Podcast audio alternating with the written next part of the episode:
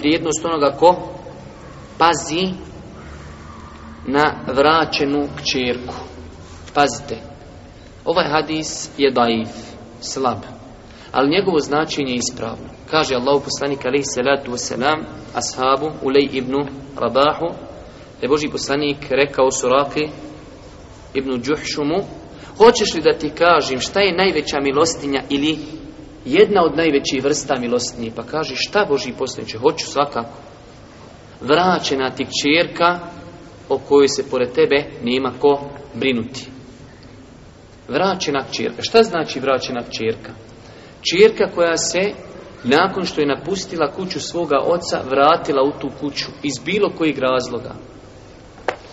Da li iz razloga što je njen muž preselio, pa ona više nema gdje biti, svekar i svekrva su joj dali kartu u jednom pravcu ili je možda se razvela pa više ne boravi kod svog muža vratila se svome ocu Vidjeli ste malo prije, postoje hadisi u kojima se preporučuje pažnja ženske djeci. Zašto je ova žena izuzeta? Zbog bitnosti. Zato što velik broj ljudi griješi u pogledu te osobe. Nama se rijetko ne desi, a često se desi da kada žena Allah iskuša time da ima problema u braku, trpi mnogo toga što ne bi trpjela iz razloga što nema se gdje vratiti. Što babo kad je ona krenula iz kuće kaže sine, u kuću se više ne vraćaš jer si mrtva. Što je vraću, moja draga svakako neispravno. Allah s.a. je stvorio ljude i ljudi se razlikuju i može se desiti da čovjek i žena ne odgovaraju jedno drugome.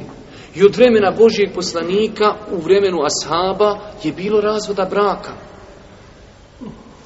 Ne treba otići u drugu krajnost, što znaju žene zloupotrijebiti.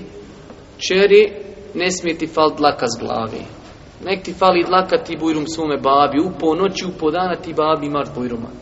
I onda čovjek ne smije se nakašljati u kući, da ne bi slučajno probudio ženu kad zaspi, jer ona ima bujruma kod babi. I on jadni hoda na nožnim prstima komaca, kako ne bi probudio ženu. Znači, jedna od dvije krajnosti. A sredina je, braćo moja draga, zlatna istina, znači, čirka treba da ima bujruma kod svog babi, ako ima potrebu da se vrati, ali isto tako ne treba znači kazati ako ti fali trun, bujrum dođi.